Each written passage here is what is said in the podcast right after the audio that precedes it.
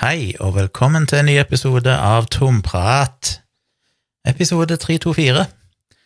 Um, jeg er jo på et nytt sted, første gang jeg spiller inn podkasten her, i leiligheten i Oslo. Det hører dere kanskje på lyden, for dere audiofeinschmeckere der ute. Det er jo ingen lyddemping her inne, jeg sitter på et lite soverom med bare vegger, men det får våge seg, dere får leve med det. Uh, sånn er det denne gangen. Jeg er jo litt seint ute, jeg skulle jo egentlig ha lagd en podkast eh, nå på tirsdag som var, men eh, jeg er jo her i Oslo, som sagt, og da da er det blitt som det er blitt. Jeg lagde vel forrige episode Ja, når lagde jeg den? Det var kanskje Var ikke det rett før denne eh, utkastelsen skulle skje i huset vårt hjemme, av denne leietakeren, som gjorde at jeg måtte utsette Oslo-turen min litt, for jeg måtte jo være med på den. Selvfølgelig samme morgenen, da, sto opp grytidlig for å være med på dette her, så får jeg telefon fra megleren om at han hadde fått telefon eh, ifra namsmannen, eller namsfogden, eller hva fanken det heter, om at denne leietakeren ikke akta å møte opp, så bla, bla, bla. Masse styr. Anyway, det endte iallfall opp med at jeg eh, da innså at eh, da var det ikke noe vits at jeg venter lenger, så jeg endte opp med å kjøre til Oslo på kvelden, og det var en deilig kjøretur. Jeg, jeg, liker å kjøre på kveldstid, for det er så jækla lite trafikk. Komme fram til Oslo sånn rundt midnatt er perfekt. Jeg må kjøre inn i svarteste sentrum her, og det er jeg ikke så glad for. Det er jo ikke langt, det er jo knapt ut av en tunnel, og så er det en par minutter i sentrum her, men eh, stressende nok allikevel. Jeg klarte jo selvfølgelig å kjøre feil og ende opp helt i, på feil sted, men jeg fant fram til slutt. Så det å kjøre på motorveien når det er mørkt og alt det der Jeg hadde jo nesten ikke sovet den natta fordi jeg måtte opp tidlig, som sagt, fordi jeg trodde jeg skulle være med på denne utkastelsen. Men eh, så ble det ikke noe av det, og så jobba jeg noen timer, og så tenkte jeg at jeg må sove liksom ha en time søvn før jeg begynner å kjøre på kvelden. La meg ned. Det var klin umulig å få sove. Det var en sånn dag der jeg bare var vet ikke, jeg var stressa, så jeg lå der og bare hjertet hamra, hørtes ut som jeg hadde 120 i puls. Fikk liksom ikke roen i meg. Så jeg ble nå bare liggende en time, tror jeg, med øynene lukka, uten egentlig å sove, og så tenkte jeg nei, det her gir jeg opp. Men det hjelper, det òg, bare liksom legge seg ned på og chille litt. Så jeg var litt bekymra når jeg skulle kjøre. Jeg trakta, ikke trakta, men jeg brukte Nespresso-maskinen og lagde en dobbel porsjon med kaffe i en sånn termokopp som jeg hadde med meg i bilen. Og måtte pakke med meg det jeg skulle ha med. Jeg måtte jo ut en eh, sånn lenestol som Tone skulle ha her i, i leiligheten, et par eh, spisebordstoler og ja, en, en, del andre ting, pluss kamerautstyret mitt og, og greier. Så det var en del ting jeg måtte få dratt ut i bilen, men det gikk heldigvis greit. Så kjørte jeg, koste meg, og jeg blei faktisk ikke trøtt på hele turen, noe som overraska meg eh, helt utrolig. Jeg følte meg lys våken og kvikk og rask. Fikk hørt gjennom et lass med podkaster på veien, som jeg syns er deilig. Jeg ikke, jeg koser meg. Koser meg egentlig med det. Så jeg kom inn til Oslo her på kvelden, og det har ikke skjedd så mye mens jeg har vært her. Stort sett jobba. Tone har jo jobba litt, vi har jo bare en bitte liten kontorplass inne på soverommet her, så vi må bytte litt på den. Så når Tone skal jobbe med video, for eksempel, hun har jo lagt ut iallfall én ny video etter jeg kom her, om den siste tatoveringsprosjektet sitt, som dere finner inne på YouTube-kanalen hennes, Tone Sabro der hun har nå fått påbegynt en stor tatovering på leggen med noen japanske mytiske figurer. Så den kan dere jo sjekke ut, men hun må jo ha denne maskinen når hun skal sitte og redigere det. Jeg har jo en laptop, en Macbook, som jeg kan bruke når hun bruker denne Mac Minien på den litt store skjermen vi har inne på kontoret, eller soverommet. Og da kan jeg sitte med laptopen i stua, for så vidt. Det går så greit nok, selv om det er litt deiligere å ha en stor skjerm og sånn når du jobber, men men jeg kjenner iallfall den opsjonen, det er ikke Tone. Så vi bytter litt på å bruke den arbeidsplassen. Så når hun bruker den, så er hun prioritet. Og når ikke hun trenger den, så kan jeg sitte her og jobbe med mine ting, som stort sett er jobb, jobbe-jobbe-ting. Det har jo skjedd én eh, ting denne uka, det var at det var Valentines Day, og heldigvis, holdt jeg på å si, så skulle Tone tur til legen, som hun ville òg lage en podkast om nå i går eller foregårs, eller noe sånt. Sjekk ut den òg, podkasten Nerve med Tone Sabro, der hun snakker litt om hvorfor hun skulle til gynekolog, og hva som skjedde der. Men hun var vekke, og da benytta jeg anledningen til å snike meg ned til en blomsterbutikk som ligger rett over gata her, basically 20 meter fra leiligheten. Snek meg inn der, kjøpte en blomsterbukett og en boks med lakriskuler, for Tone er jo veldig lakrisfan. Så det passa fint, og de fikk liksom sneket meg ut og gjort det. Så når hun kom tilbake igjen, så fikk hun blomster og lakriskuler. Og så hadde vi jo, eh, eller Tone hadde for ei god stund siden booka bord på en restaurant som òg bokstavelig talt ligger et steinkast unna. Det er nesten ikke et steinkast engang, det er i spytteavstand ifra, ifra leiligheten her. En eh, restaurant, indisk restaurant, relativt ny, i hvert fall eksistert et par år, kanskje, som heter Nimbu, som ligger rett nede ved, ved sjøen her ytterst i Bjørvika. Så den hadde hun booka bord på, og vi gikk på den. Den ser jo veldig fancy ut. Veldig sånn Ja, han bare ser veldig fancy ut. Og når vi kom der, så føltes det veldig fancy når vi kom inn. Vi fikk eh, ble vist til et bord, og satte dere ned, og så slutta vel egentlig på mange måter Hva heter det? Imponeringa. Jeg vet ikke hva det er. Norske restauranter er ikke spesielt imponerende. Vi kom, fikk et bord, satte dere ned, eh, bestilte vel noe å drikke, eh, og så tok det vel overraskende lang tid før de til slutt kom og liksom tok bestillinga. Og så gikk det ikke så veldig lang tid før vi fikk forretten. Den var ganske Ja, det gikk relativt kjapt. Men forretten var god. Tone bestilte jo veganske ting uh, fullt ut.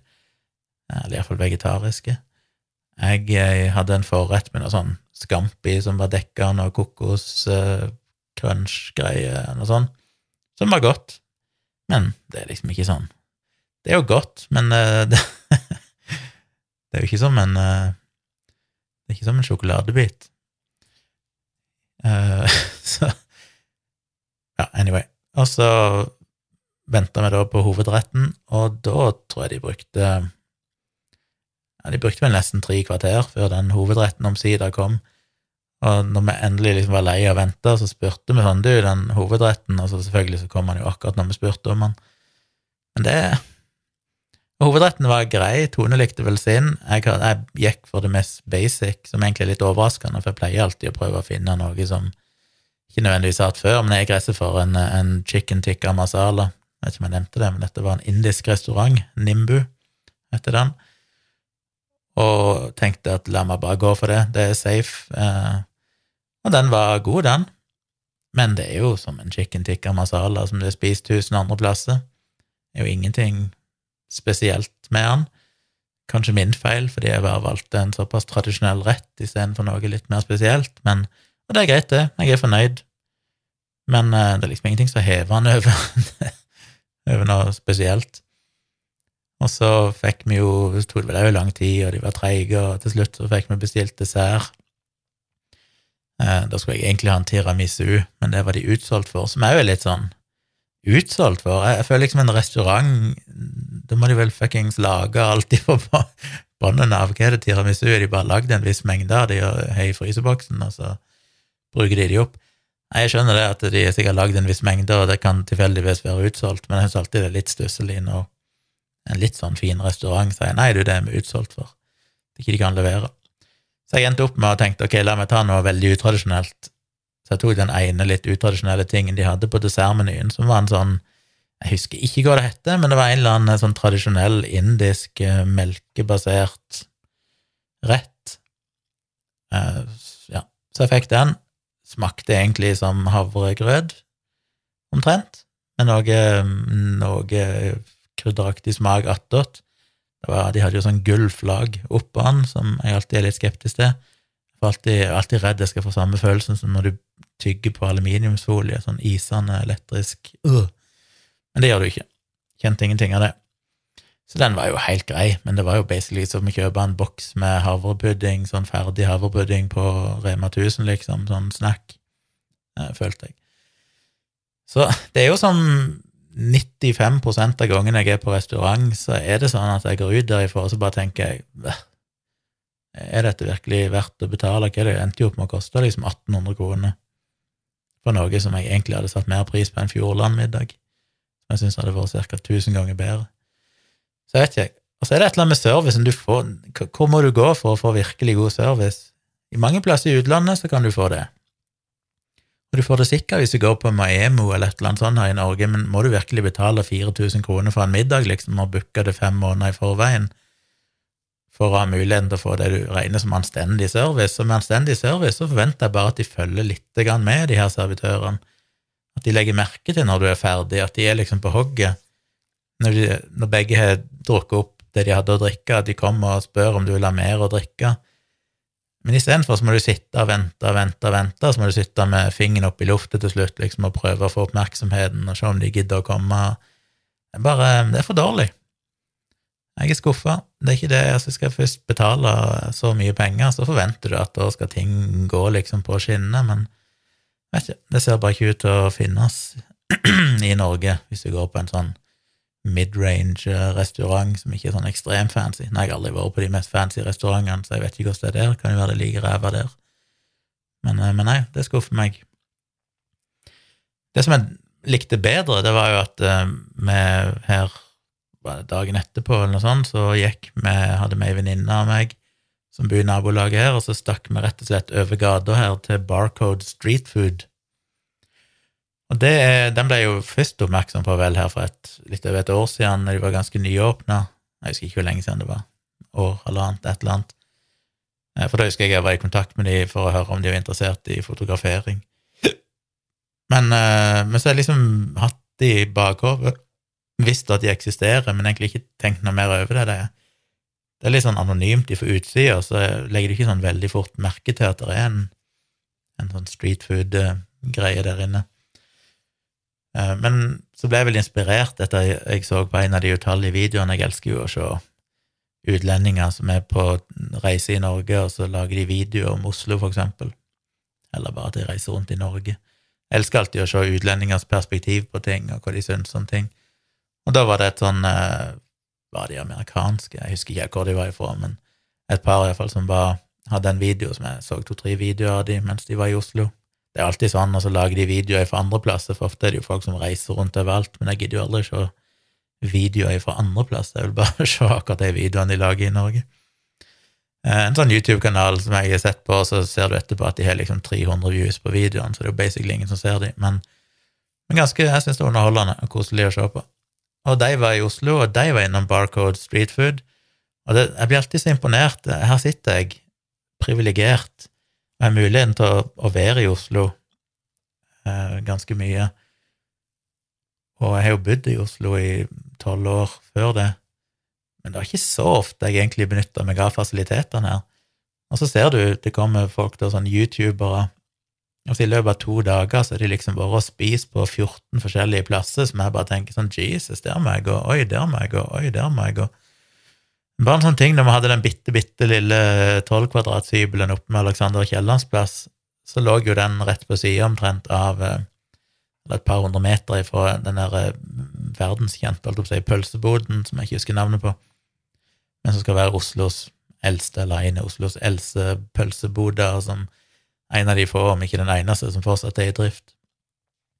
Og der har jeg sett tonnevis av youtubere fra utlandet. Det er tydeligvis at den står oppført i noe sånn travel guide, eh, et eller annet, for det alle finner tydeligvis den og skal sjekke ut pølsene der. Og så syns de de er så dritgode. Jeg fikk jo selvfølgelig aldri somla meg til å gå og kjøpe ei pølse der og teste det ut, burde jo selvfølgelig gjort det. Jeg har jo ennå ikke vært inne på Er det Oslo Street Food han heter, den store der med Sentrum Scene borti der? Eh, jeg har vært på mathallen oppe med Vulkan, der jeg har vært noen ganger, men bare spist ei eller to ganger, to-tre ganger kanskje. Men ja, anyway. Så jeg ble inspirert, for de var på Barcode Street Food, og så testa de ut forskjellig mat, og så syntes jeg det så så godt ut, og så satt jeg bare og tenkte fuck, det, hvorfor ikke vi vært der? Vi må sitte hjemme og spise stekte grønnsaker og kjedelige ting, og så har vi alle disse mulighetene rett rundt oss. Så vi ble enige om å gjøre det, da. Og det må jeg si var en positiv opplevelse. Jeg ble helt Det var nesten som å være på ferie i utlandet når du kom inn der, det var en helt ny verden som åpna seg, for det er ganske stort. Jeg elsker jo konseptet med at det er litt sånn forskjellige sitteplasser overalt. Du må ikke sitte på ett sted akkurat der du spiser, du kan velge sjøl. Veldig sånn uh, rustic uh, innredning med sånn gamle stoler og gamle bord og alt litt sånn slitt. Men mat fra hele verden. Og jeg gikk jo for en sånn uh, Jeg holdt på å si han var afrikansk, men det var noe sånn afro karibiansk, et eller annet sånn blanding. En sånn bitte liten bod som hadde noe greie greier. Uh, jeg så de youtuberne de spiste en eller annen sånn wrap med et eller annet, så jeg tenkte det må jeg prøve, for de syntes den var så god. Så jeg kjøpte det. Tone gikk jo til Dirty Vegan, som var den første sjappa du kom møte når du kom inn der, og bestilte seg noe eh, veganske greier. Hun venninna gikk på en sånn asiatisk og bestilte noe sånn dumplingsgreie. Og alle var fornøyd. Må innrømme den var nok litt nedtur, den rappen jeg kjøpte. Burde kanskje ha kjøpt den andre de hadde. Jeg feiga litt ut og tok den som var mest streit, men jeg hadde kanskje fått mer igjen for å velge den som jeg egentlig ikke skjønte hva var for noe. Men uansett, de har jo gresk mat, de har taco, de har asiatisk, de har sushi, de har andre typer japansk mat. De har dirty vegan, de har noodles, de har alt mulig. Altså en felles bar i midten der du kan kjøpe alt mulig av drikkevarer.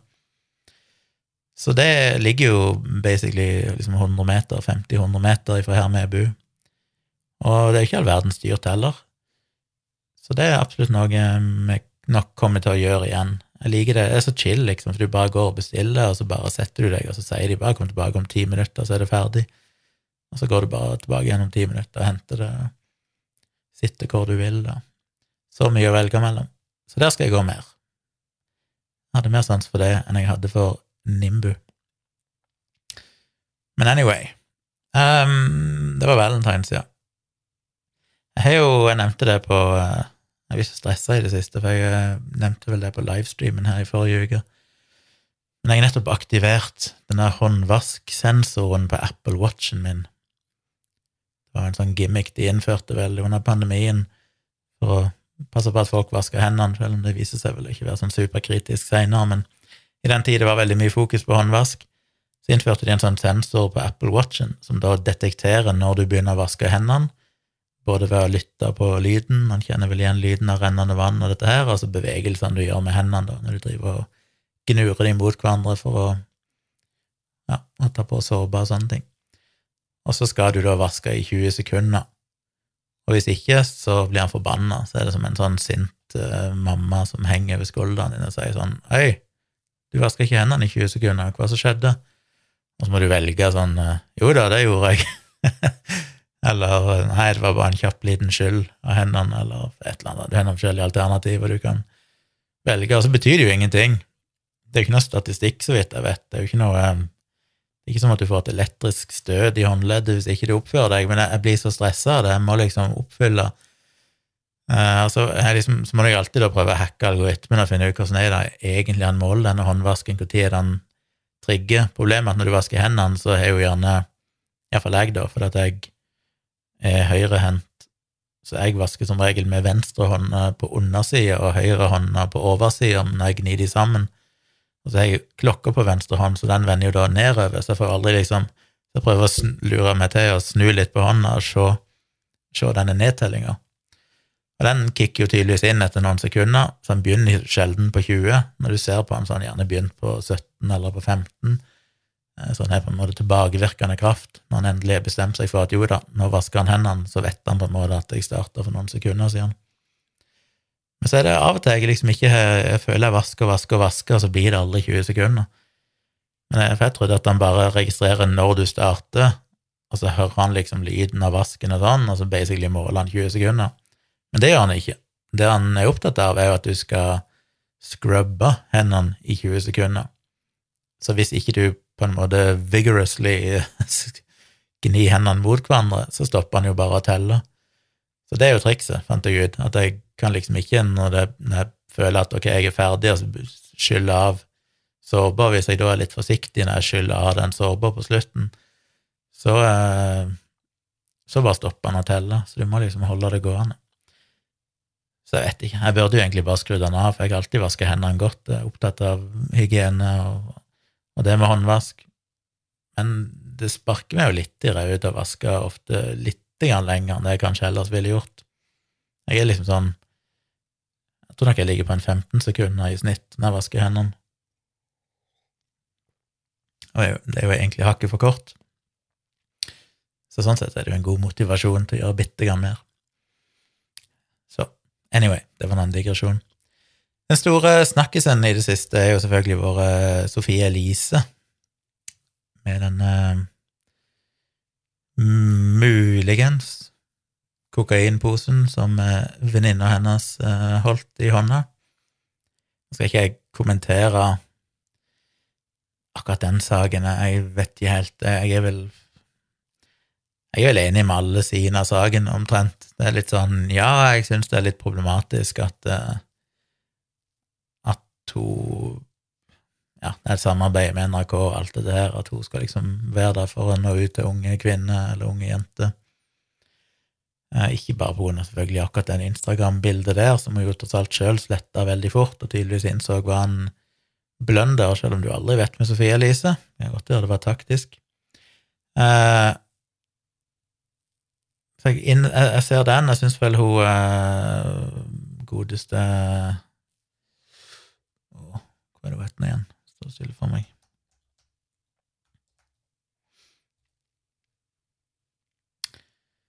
Hun godeste Var ikke det en uh, artikkel? Ikke det jeg fjerna den, jo der. En kommentar av Astrid Mæland på VG i dag. Der på forsida så er liksom tittelen 'Hun er seg selv lik'. Inni artikkelen så er det 'Dette har alltid vært uutholdelig'. Og det hun fokuserer på der, er jo egentlig at hun har hørt litt på podkasten og sånn, og reagerer jo egentlig på, på innholdet i podkasten. At uh, NRK skal stå for det innholdet og bla, bla, bla. Anyway, jeg syns det er en grei kommentar som har kanskje et mer korrekt perspektiv, der akkurat det der muligens kokainposen og alt dette her er ikke det store problemet men heller det store bildet. Uh, så jeg er enig i både det at det kan være negativt, og så er jeg jo enig med at liksom det er en overaksjon, og NRK har jo masse andre greier der de promoterer mer eller mindre drikking og alkohol og spøker med alkohol, og at det er like hyklerisk at de skal reagere sånn på. Så det, det er komplisert. Det som vel irriterer meg mest, er jo at hver gang jeg ser Sofie Elise trender eller bare er på forsida av en avis, som ikke er veldig sjelden. Det er alltid et eller annet med henne. Så får jeg liksom bare samme følelsen av at dette her er litt sånn Donald Trump all over again. At pressen klarer aldri å la være å ta agnet. Altså, etter hvor lenge har vi hatt influensere nå? Vi har hatt populære bloggere siden ja, litt før 2010, kanskje, så begynte vel det med bloggere og og bli ganske sånn stort og populært. Og så de siste årene så ble det liksom omdømt og omdøpt til influenser, siden de i stor grad ikke nødvendigvis bare var blogger lenger, men det var TikTok og Instagram og alt mulig annet. Det føles ikke som om norsk presse helt er klart å håndtere det, og det er liksom ikke For det som irriterer meg, er jo at det virker som at pressen fortsatt ser på disse menneskene som privatpersoner. Sophie Elise er jo selvfølgelig kroneksempelet. Når hun gjør noe, så blir det omtalt som om hun er en kjendis eh, på lik linje med en, eh, en skuespiller eller en politiker eller et eller annet. Noen som er kjent for noe de faktisk gjør, enten det er å lage musikk eller spille i film eller fordi de er politiker eller et eller annet sånt. En influenser er jo per definisjon et produkt. De er ikke en privatperson, og de er en bedrift. Sofie Elise, hva det hun omsatte for i fjor? Noen 20, over 7 millioner kroner. Jeg husker jo i den tida jeg var i en feide med henne tilbake i 2015 om dette palmeoljegreiene, så er det jo påfallende at jeg sitter helt alene, snakker for meg sjøl, skriver for meg sjøl, er liksom ingen som Ingen å gjemme meg bak. Mens når hun blir kontakta av pressen med de samme spørsmålene som jeg ble kontakta med, for det ble liksom satt opp en sånn konflikt mellom oss. så svarer jo hun gjennom pressetals, eh, presse, det, pressetalsmann, og så var det en eller annen kvinne eller manager som snakka på hennes vegne og alt mulig sånn. Det er liksom en helt annen liga når de Ja. Eh, og det er jo det som skiller en influenser gjerne ifra en, en viderekommen influenser fra alle dere andre som bare driver og sysler litt med sosiale medier og sånne ting. Um, så det Hva er det jeg skulle si? Jo, det er at pressen ikke helt klarer å skjønne det. Og det er jo det evinnelige uttrykket at Sofie Elise gråter hele veien til banken. For det er litt sånn hver gang hun blir utsatt for kritikk, så er det jo litt som jeg på å si Madonna sa, men det var noen som sa det før Madonna, men at all PR er god PR. Hun har jo sjelden så mye å tape på det. Det øker jo bare brandet hennes, og oppmerks all oppmerksomheten hun kan få, er god oppmerksomhet. Og det spekulerte jo Trump i òg. Han skjønte jo det, at uh, han kan si så gale, idiotiske ting som bare Som en liksom ikke tror er sant. Og så er det ikke sånn at pressen sier at nei, dette blir for dumt, dette kan vi ikke dekke, eller dette er jo bare løgn, dette er ikke noe Nei da, nå snakker jeg ikke bare om etter han ble president heller, jeg snakker også om i, før han ble valgt, i hele den presidentkampanjen i 2015-2016. Uh, eh, så er det jo Så klarer ikke pressen å la være å ta agnet, fordi de vet det vil føre til klikk, de vet det vil generere engagement, og de har ikke noe samfunnsansvar der de sier at det er liksom enkle ting er bare for Dette er for dumt. Vi må heller for det første dekke det som er sant, eller i det minste faktasjekke det som blir sant, for det var mye av problemet med, med Trump, at han fikk sagt ting, og så bare gjenga pressen han helt direkte på det han sa, heller enn å si at Trump hevder at sånn og sånn, eller påstår at eh, Så bare gjentok de det som om det var en sannhet, fordi han hadde sagt det, og de, de følte at ja, men vår jobb er jo å, å sitere kilden direkte. Det er jo litt det samme som jeg òg ble møtt med for mange år siden. Jeg kritiserte norsk presse for å skrive om dyretolker og klarsynte og sånn, og jeg sa at eh, kan dere heller si at dette er en påstått klarsynt, eller selverklært klarsynt, heller enn å hevde at dette er en klarsynt person. Og når de sier at de har snakka telepatisk med en hund, kan dere ikke stille noen kritiske spørsmål, da? Og da var liksom svaret at nei, men deres jobb er jo å formidle det som blir sagt, ikke å liksom formidle sannheten, men bare formidle akkurat det som er blitt sagt, og være en talerstol, en mikrofon, for galne, sjuke mennesker. Sånn var det med Trump, og sånn er det jo i stor grad med mange influensere. Ikke helt sammenlignbart, for influensere har tross alt fått mer kritikk eh, i Norge av journalister og av pressen. Eh, så de, jeg tror nok Sofie Elise definitivt møter mer kritiske spørsmål, men de klarer ikke å la være å likevel dekke en sak hvis hun fiser en morgen, så er jo pressen der for å skrive om det. Det, det er derfor en mistenker sånne ting som dette her, som jo selvfølgelig egentlig burde vært forbigått i stillhet eh, med denne kokaingreia, blir jo selvfølgelig da den store snakkisen i lang tid, og alle skal mene noe om det, og alle kommentatorer skal skrive noe om det, som er litt deprimerende. Eh, og så måtte jeg jo, fikk jeg jo sånn liten flashback selvfølgelig til denne palmeoljedebatten i 2015. Og den gangen så kritiserte jo jeg Sofie Elise fordi at hun gikk jo ut og sa liksom ja, vi må boikotte Freia påskeegg, og se her er bilde av en, en, en, en, eh, trist orangutang. Som var liksom det var liksom dybden av det hun hadde satt seg inn i dette. Se, dette var trist, dette må vi stoppe. Og så ble jo hun hylla i alle bauger og kanter. Eh, miljøorganisasjoner hyller henne, Regnskogfondet tok henne i forsvar, hun fikk vel en eller annen pris for engasjementet sitt mot palmeolje. Og så måtte jo jeg inn og så følge litt med på dette her, og så ser jeg jo to eller tre ganger det året, i 2015, så viste jeg til at hun dreiv og markedsførte produkter i bloggen sin som inneholder palmeolje.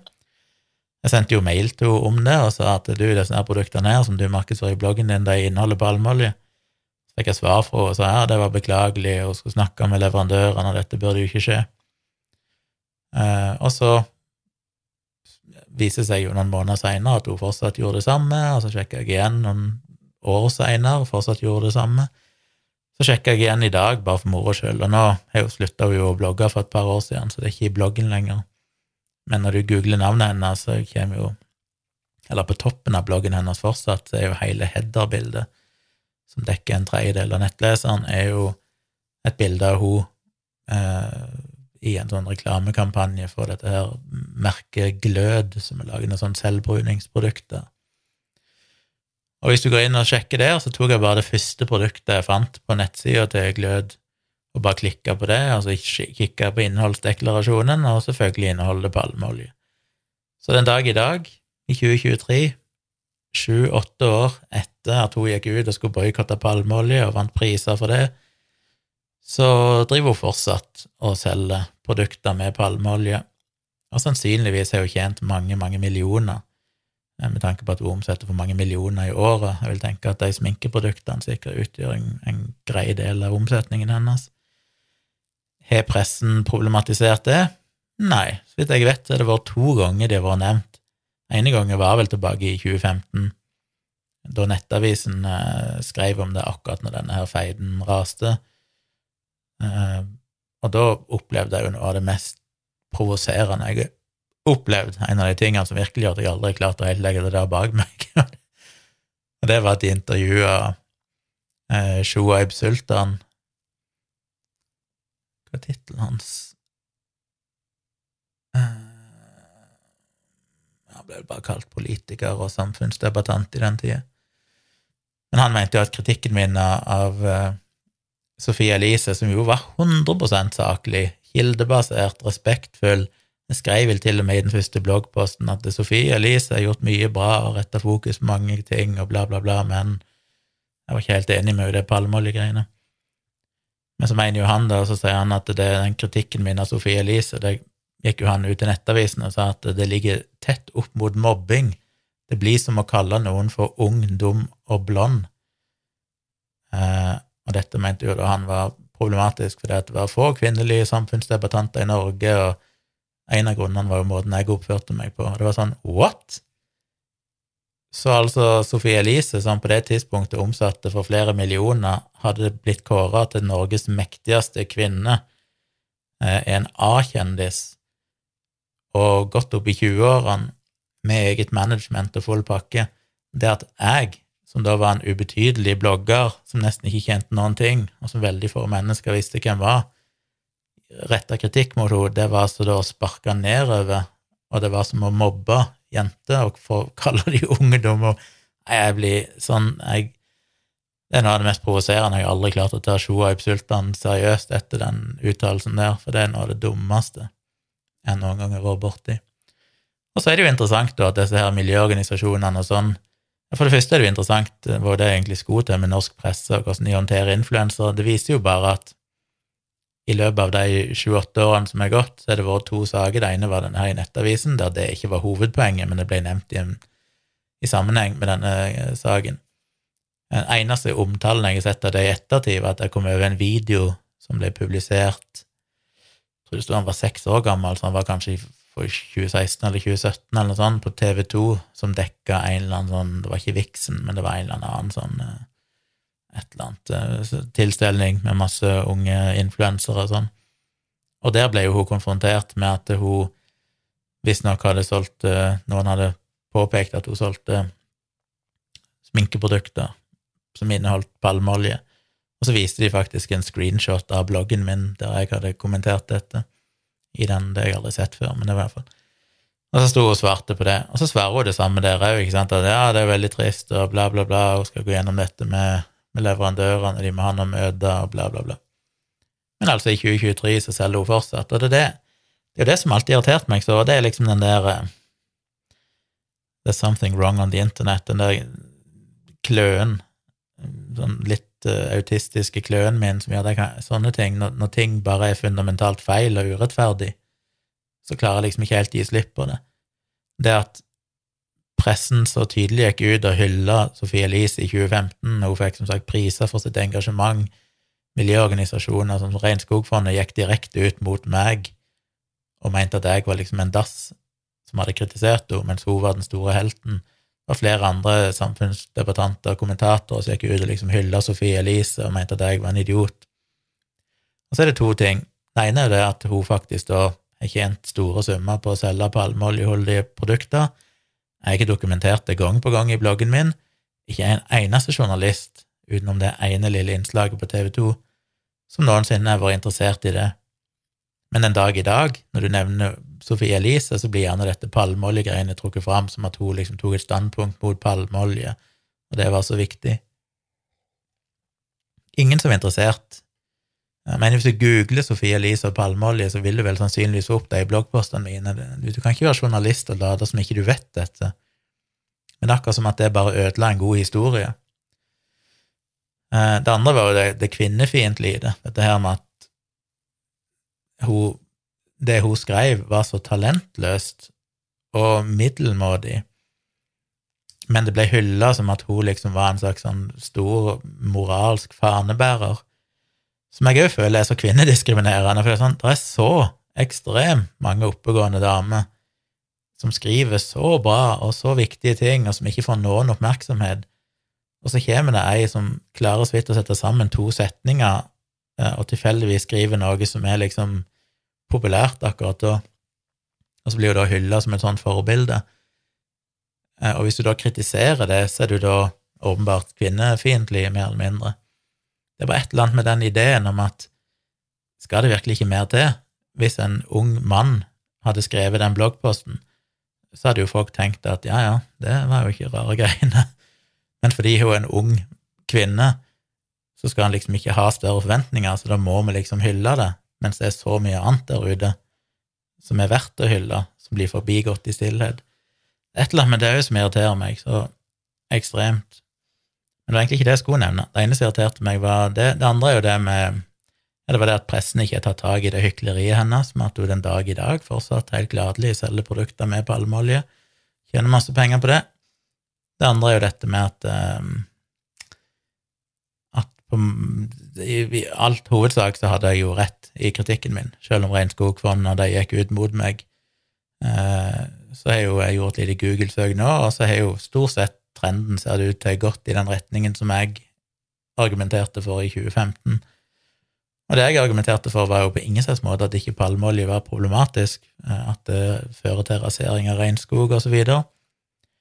Men det var jo det at hvis du bare boikotter palmeolje, så vil det føre til at de landene som prøver å kjøpe eh, sånn sertifisert palmeolje, som skal liksom garantere for at ikke de raserer ny regnskog og alt mulig sånn, som bærekraftig, at de da slutter å kjøpe, mens de som importerer, er kanskje Kina og en del andre land som gir faen i akkurat om det er bærekraftig eller ikke, de vil bare ha mest mulig palmeolje.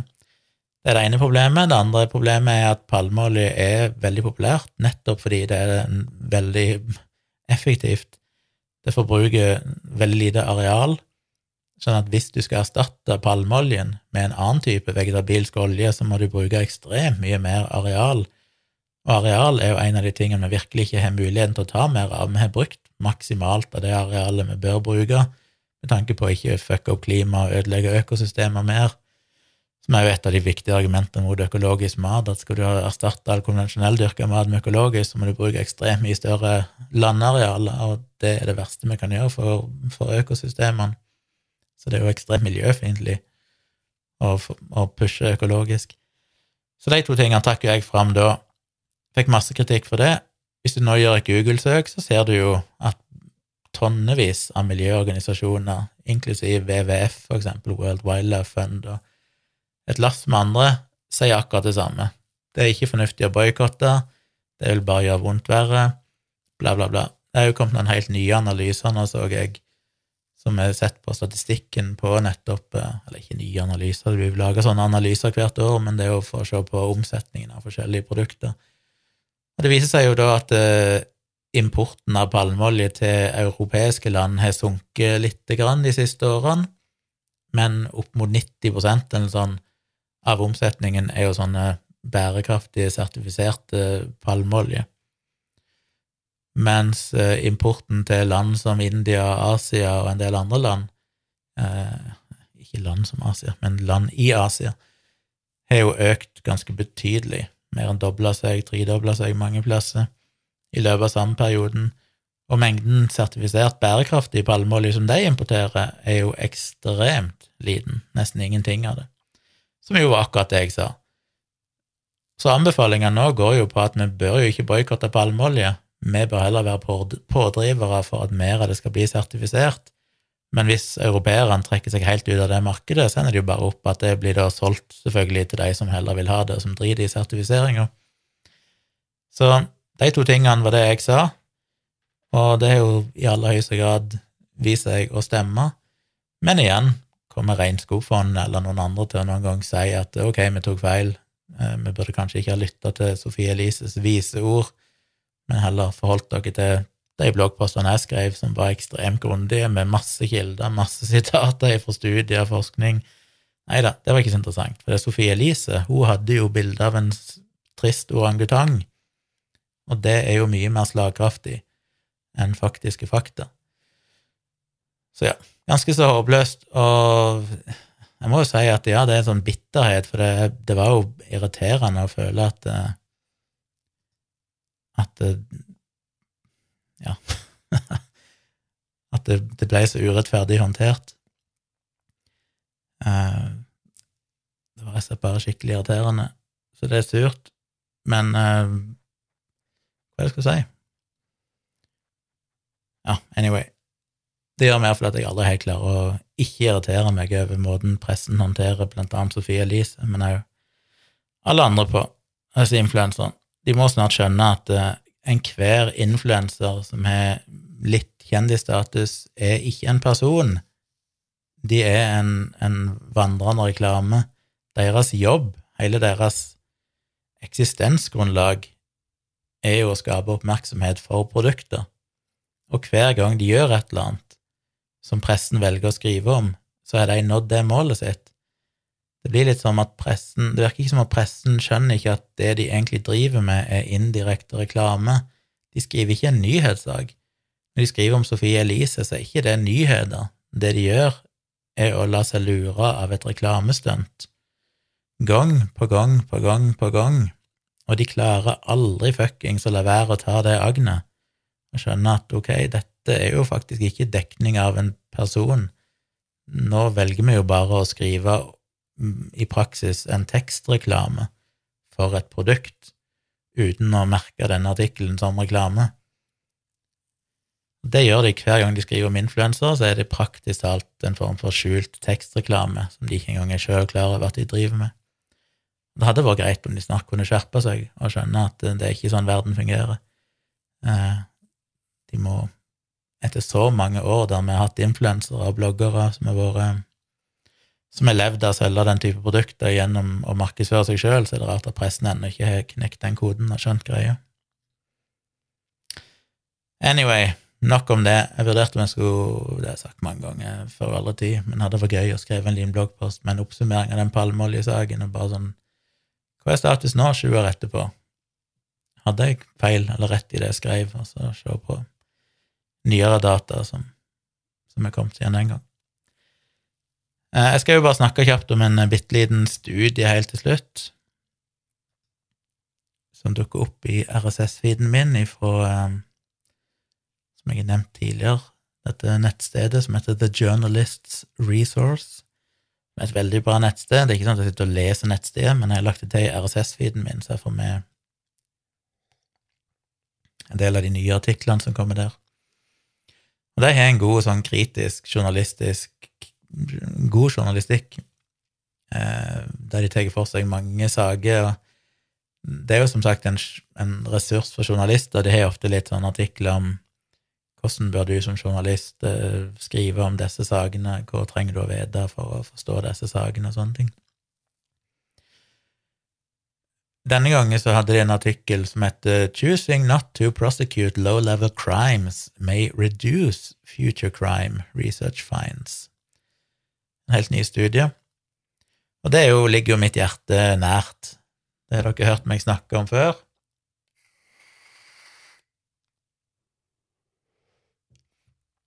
En liten eh, vape-hit. At jeg er ikke noen stor fan av uh, straff.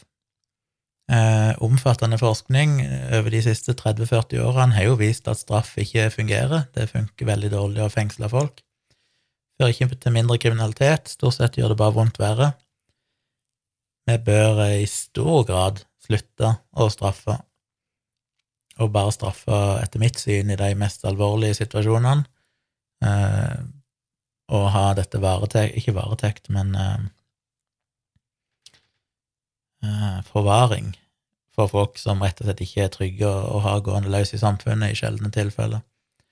Bortsett fra det så bør vi i veldig liten grad straffe gjennom, gjennom fengsel og frihetsberøvelse, og heller se på andre metoder å gjøre dette på, uten at jeg skal ha en lang rant om det, jeg snakka om det tidligere. Men dette var jo bare enda en studie som viser hvor dårlig egentlig det fungerer med straff, og at det kanskje gjør vondt verre, og er ganske relevant i norsk sammenheng, etter med at disse debattene om rusreformen.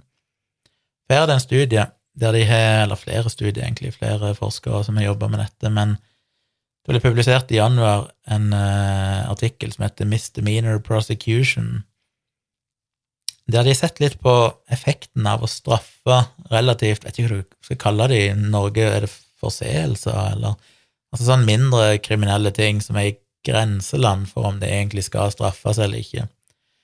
For eksempel det de kaller for trespassing i USA, som er det å gå inn på områder der du ikke er lov å gå, private hager eller hva det måtte være.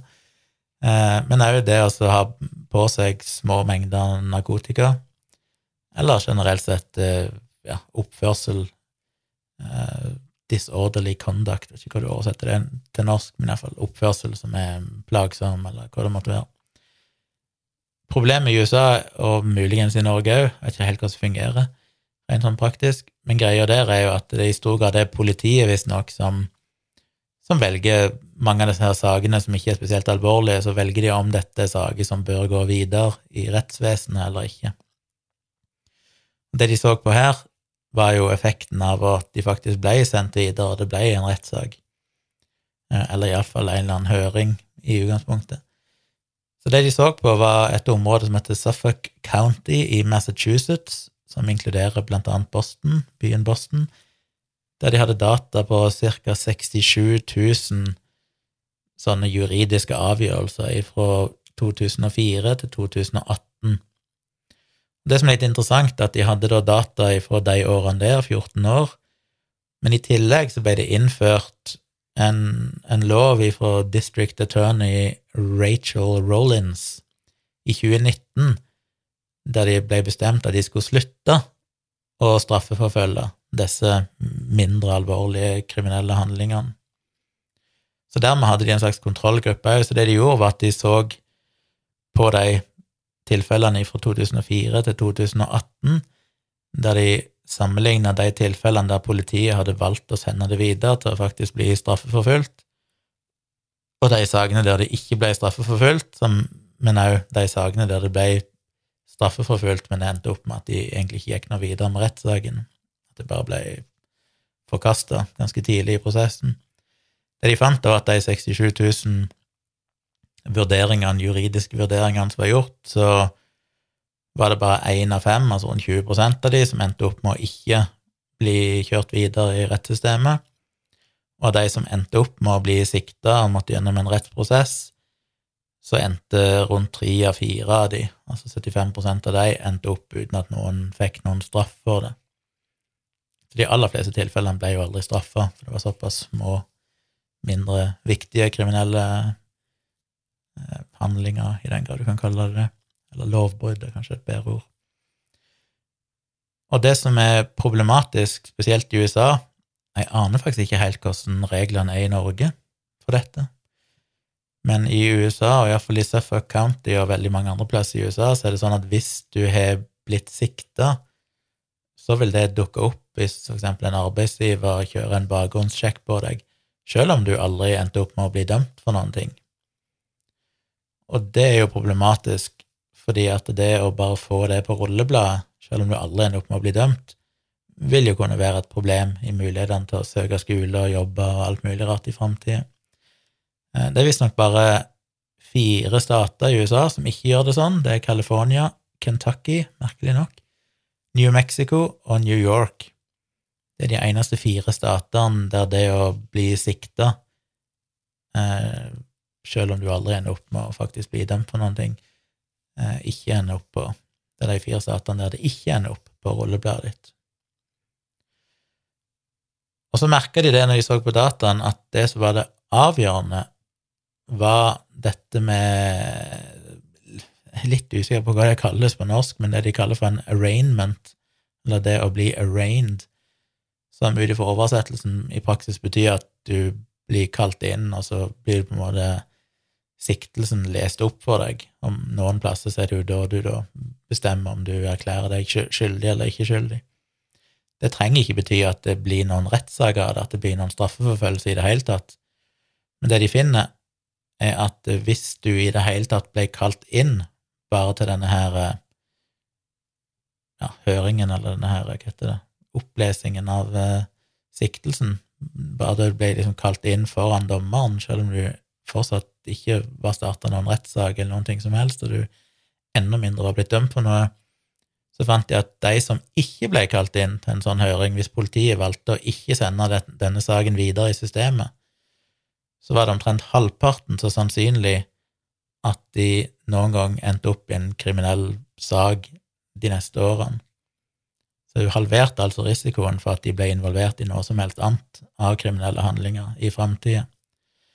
Og en av grunnene til det er jo, ja, bare for å ta et annet tilfelle, at hvis du da òg isolerte kun de sakene som omfatta folk som aldri tidligere hadde hatt noe på rullebladet sitt, så var faktisk risikoen 81 mindre for at de endte opp med å, å ende opp involvert i en ny sak.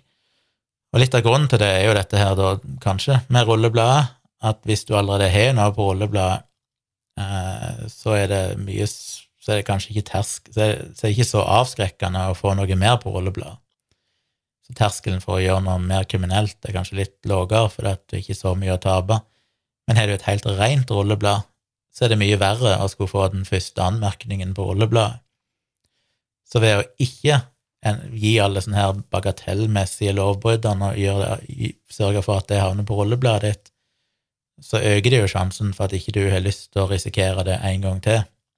Så det å ikke straffe dem, det å ikke rettsforfølge dem, gjør faktisk folk mer lovlydige, for da blir det da mindre ønskelig for de å ta samme risikoen. Den fant en jo da var mye sterkere hos de som allerede hadde et rent rulleblad, som egentlig underbygger den hypotesen. Eh, de fant jo at hvis de fulgte opp dette her, så holdt dette i iallfall seks år, og de fant at effekten ble bare sterkere over tid. Eh, så det er ikke en sånn kortvarig effekt, det ser ut til å være en relativt langvarig effekt. Samtidig så er det jo selvfølgelig usikkerheter. De, de sier jo disse forskerne at når de først gjorde disse analysene, så fikk de en så markant effekt, altså en halvering i risiko, eh, for at disse folkene ville bli involvert i noe ny kriminalitet eller ville bli sikta for noe nytt, at de egentlig ikke trodde på det, så de brukte et helt år ekstra på å gå gjennom dataen på nytt og få med andre folk og analysere og se om de klarte å liksom få, få vekk den effekten, men, men, det klarte de ikke. Det var ingen som klarte å finne noe galt i analysene deres i i dataen. Så sier de jo at selvfølgelig så kan du ikke nødvendigvis generalisere dette til andre områder. Det kommer jo litt an på økonomiske, sosioøkonomiske forhold og, og, mye annet. Men, men, generelt sett så er jo dette interessant. Det er selvfølgelig umulig å vite om noe tilsvarende vil gjelde i Norge. Men eh, det er vel litt den argumentasjonen som var brukt i rusreformen òg, dette med at det kanskje ikke er så lurt å drive og straffe unge mennesker for ja, sånne relativt milde, små lovbrudd, fordi det kanskje bare gjør ting verre. Det gjør det vanskeligere for dem å komme og fullføre skolegang og komme seg inn på høyere utdanning, få seg jobbe, mange ting som, som ødelegger. Og det vi vet gang på gang fra alle data vi har, dette har vi egentlig alltid visst, så er det jo det at hvis folk sliter økonomisk eller har en dårligere levestandard eller føler seg utenfor samfunnet eller utstøtt på en eller annen måte, eller sånn, så er jo bare risikoen ekstremt mye høyere for at de ender opp i kriminalitet. Så det å ikke dytte folk på grunnlag av ganske sånn små bagatellmessige lovbrudd, og ikke dytte de inn i denne her gruppa med kriminelle, eh, har faktisk en ganske stor effekt. Det er best å holde folk utenfor den gruppa fram til de faktisk gjør noe som er alvorlig nok til at de fortjener en eller annen form for straff. Ja. Og så fant jeg jo at det var faktisk, som jeg sa tidligere, denne her innkallingen da, der de blir bare stilt foran dommeren som leser opp eh, siktelsen for dem, det, det, var den faktisk som var det viktige. Det hadde faktisk ikke noen effekt på De fant ikke noen forskjell på de som ble kalt inn til den domsopplesninga, ikke domsopplesninga, men siktelsesopplesninga, eh, og de som gikk videre da med en rettssak, men der siktelsen ble frafalt etter en stund. Altså, det hadde ikke noe å si hvor langt i systemet det gikk. Det var litt sånn enten-eller. Enten så ble det en sak av det, eller så ble det ikke en sak av det, og det var der du fant forskjellen. Så i det øyeblikket du ble kalt inn, det ble liksom bestemt at ok, dette må vi gå videre med i rettssystemet, så var liksom skaden gjort. Alt som skjedde etter der, var ikke så viktig. Um, så bare i slutten av artikkelen så har de nå mer data, bare for de, de kommer til å jobbe mer med dette. De driver og samler inn data har inngått avtaler med mange forskjellige counties eh, rundt forbi i USA for å få tilgang til disse dataene, så de kan gjøre mer analyser i framtida. Men én ting de har sett som var litt sånn digresjon, men litt interessant, som bare bør nevnes, var at de hadde inngått et avtale med Dallas County, og der òg ble det innført en ny lov, eller ny praksis, Eh, i 2019, der district attorney John Croitzot, bestemte at de skulle ikke lenger straffeforfølge de aller fleste førstegangs eh, De som ble tatt for første gang med, med Herregud i, besitt, med, i besittelse av marihuana. Så tidligere så var det når de endte opp med rettsforfølge hvis du ble tatt med litt marihuana på deg, mens nå bestemte i 2019 at det skulle de ikke lenger straffeforfølge. Og det de fant, var at etter dette ble innført, så sank jo da antall eh, henvisninger fra politiet da, til videre i rettssystemet med 31 20, 31% færre sånne straffeforfølgelser av marihuana possession i 2019 enn i 2018. Men det som var litt interessant, for det var ikke så overraskende, for det var jo en ny praksis de innførte Det som var litt interessant, var at på tross av at hvis du sammenligner forskjellige etniske grupper, så finner en at bruken av marihuana er helt lik i alle gruppene, enten du er hvit, eller du er svart, eller du er fra andre områder, så finner de at eh, generelt sett så bruker alle etniske grupper marihuana i like stor grad. Og det var en av problemene som jeg skriver en del om, blant annet i Håndbok i krisemaksimering, der jeg skriver litt om det, da hvordan det er så ekstremt urettferdig i USA. At svarte i så mye større grad både blir straffa og får mye strengere straffer for narkotika enn det hvite gjør, selv om de hvite bruker akkurat like ofte og mye narkotika som svarte gjør. Eh, men det de fant, var at selv om den totale mengden med rettsforfølgelse sank med 31% så økte faktisk eh, andelen svarte som ble straffeforfulgt, fra 54 til 56 ikke en veldig stor økning, to prosentpoeng, men en økning. Og det er jo interessant. Det er jo nå de Nå er dette en eh, Det er ikke en fagfellevurdert studie, og de sier at dette må de følge opp videre, men det var litt av poenget var å se hvordan dette ville slå ut nettopp på forskjellen mellom straffing av eh, svarte og hvite. Og her ser en jo at når politiet blir mer kritiske på hvem de skal velge å straffeforfølge, så endte det faktisk opp med at de gikk selvfølgelig i favør av hvite. At uh, de fortsatt straffer svarte enda litt mer enn hvite etter at denne nye praksisen ble innført. Så anyway, jeg legger ved artikkelen i shownotes, så kan dere jo lese dere blå på det sjøl.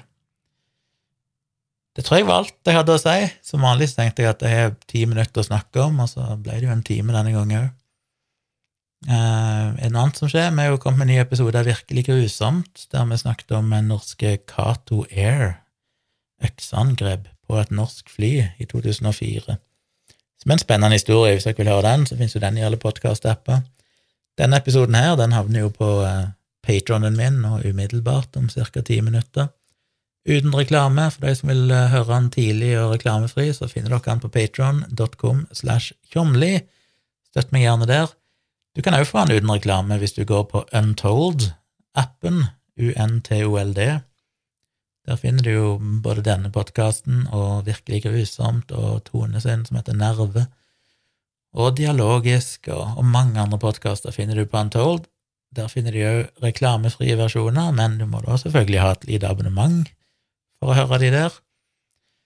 Eh, eller så finner du han jo alle plasser podkaster finnes, helt gratis, men da muligens med litt reklame. Og litt seinere, da dukker den opp i løpet av fredag ettermiddag en gang. Ja. Jeg blir i Oslo denne uka, og så reiser vi hjem sammen med Tone, så kjører vi til Vennesla i midten av neste uke. Så skal jeg ha dattera mi ut vinterferien, så vi får se hva som skjer da. Jeg eh, skal prøve å spille inn en episode til her i Oslo før jeg stikker hjem. Skulle gjerne fått med meg Dag og spilt inn en dialogisk òg, men nå har jo han starta turneen sin. Han starter vel nå i dag eller i morgen, noe sånt, tror jeg. Så han blir vel kanskje travel, for å se hva vi får til. Uh, ja. Ellers så skjer det vel ikke så fryktelig mye mer spennende. Så bare si uh, takk for at du hørte på. Min mailadresse er jo tompratpodkast.gmail.com at gmail.com hvis du vil sende meg tips til saker. Det syns jeg alltid er veldig interessant. Eller du har spørsmål til meg, private, personlige, eller eh, ting om kritisk tenking, vitenskap, whatever, som du ønsker jeg skal snakke om. Fyr løs til tompratpodkast at gmail.com, og så er jeg tilbake igjen en eller annen gang i neste uke.